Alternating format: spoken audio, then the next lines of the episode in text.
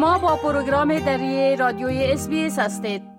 شنوندگان گرامی و حال با همکار ما آقای جاوید روستاپور خبرنگار برنامه دری SBS برای جنوب آسیا صحبت می کنیم که ایشان در مورد تازه ترین تحولات در افغانستان گزارش خواد دادن.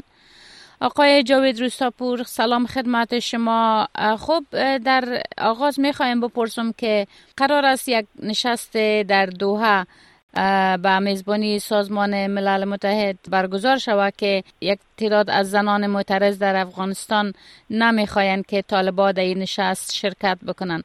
این دلیل از این مخالفت چی است و در این مورد اگر کمی بیشتر به شنانده های ما گزارش بتین با سلام وقت شما بخیر خانم ترسین بله همان گونه که شما اشاره کردین جمعی از زنان معترض دعوت از طالبان در نشست آتی دوه و عادی سازی روابط با این گروه را محکوم کرده و گفتند که طالبان سزاوار محاکمه اند نه مذاکره. این زنان با حضور مخالفان طالبان و نمایندگان زنان معترض در نشست دوه نیز مخالفت کرده و گفتند زنان معترض به جای مذاکره باید بر محاکمه طالبان پافشاری نمایند در اعلامیه‌ای که از آدرس این زنان منتشر شده آمده است که لازم است با سراحت اعلام کنیم هیچ کسی در نشستی هیچ کسی در هیچ موقعیتی و در نشست دوا با از آدرس زنان معترض نمایندگی نخواهد کرد.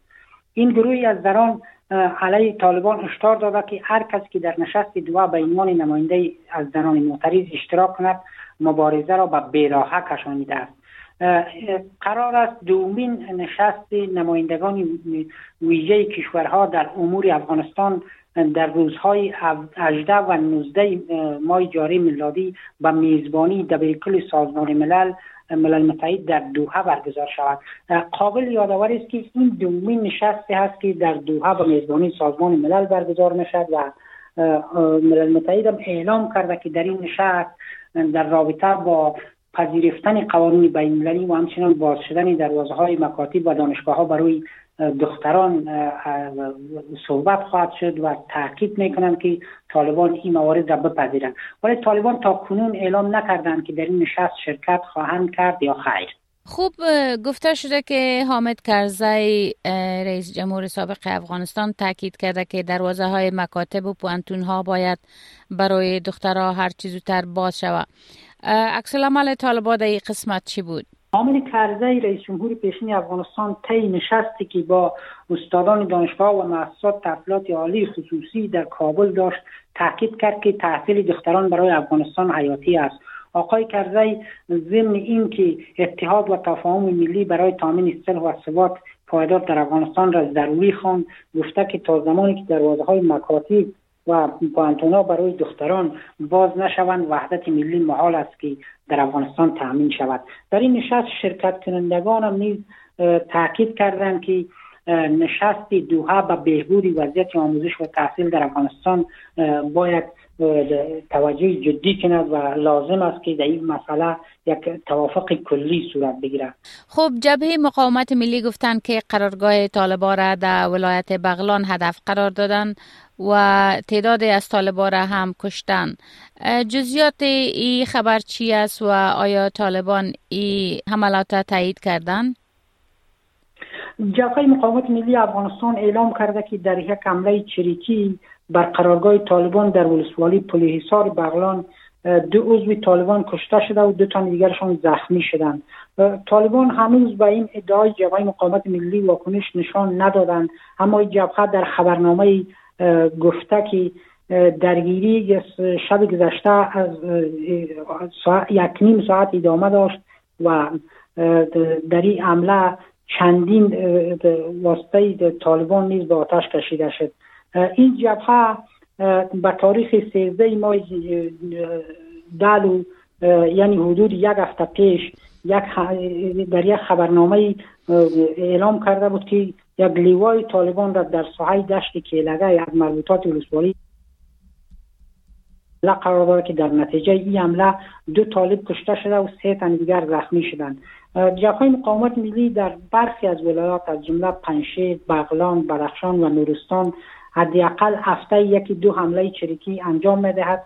ولی به دلیل از اینکه رسانه ها در افغانستان اجازه نشر اخبار مربوط به جبهات مخالف طالبان را ندارند اخبار جنگ یا حمله یا جبهات مخالف طالبان رسانه‌ای نمی شود عمدتا بله تشکر.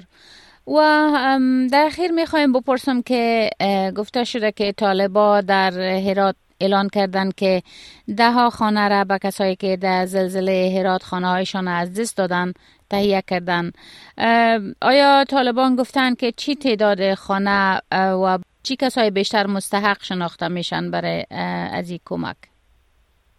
خبرگزاری باختر که تحت کنترل طالبان نشرات دارد از تحویل 69 منزل به زلزله قریه سربلند نایب رفع و نایب رفع در ولسوالی زندجان هرات خبر داده است. آژانس باختر به نقل از حمدالله متقی رئیس اطلاعات فرهنگ طالبان در ولایت هرات و سخنگوی کمیسیون رسیدگی به زلزله‌زدگان این ملت گفته که این خانه ها از سوی بنیاد خیریه قمر به هزینه 48 میلیون افغانی ساخته شدند. پیش از این در 16 دلو خبرگزاری باخترم اعلام کرد که 378 خانه به وسیله دیدگان زمین لرزه در 13 روستای ولسوالی زندجان ساخته شد و به زلزله‌زدگان تحویل داده شد.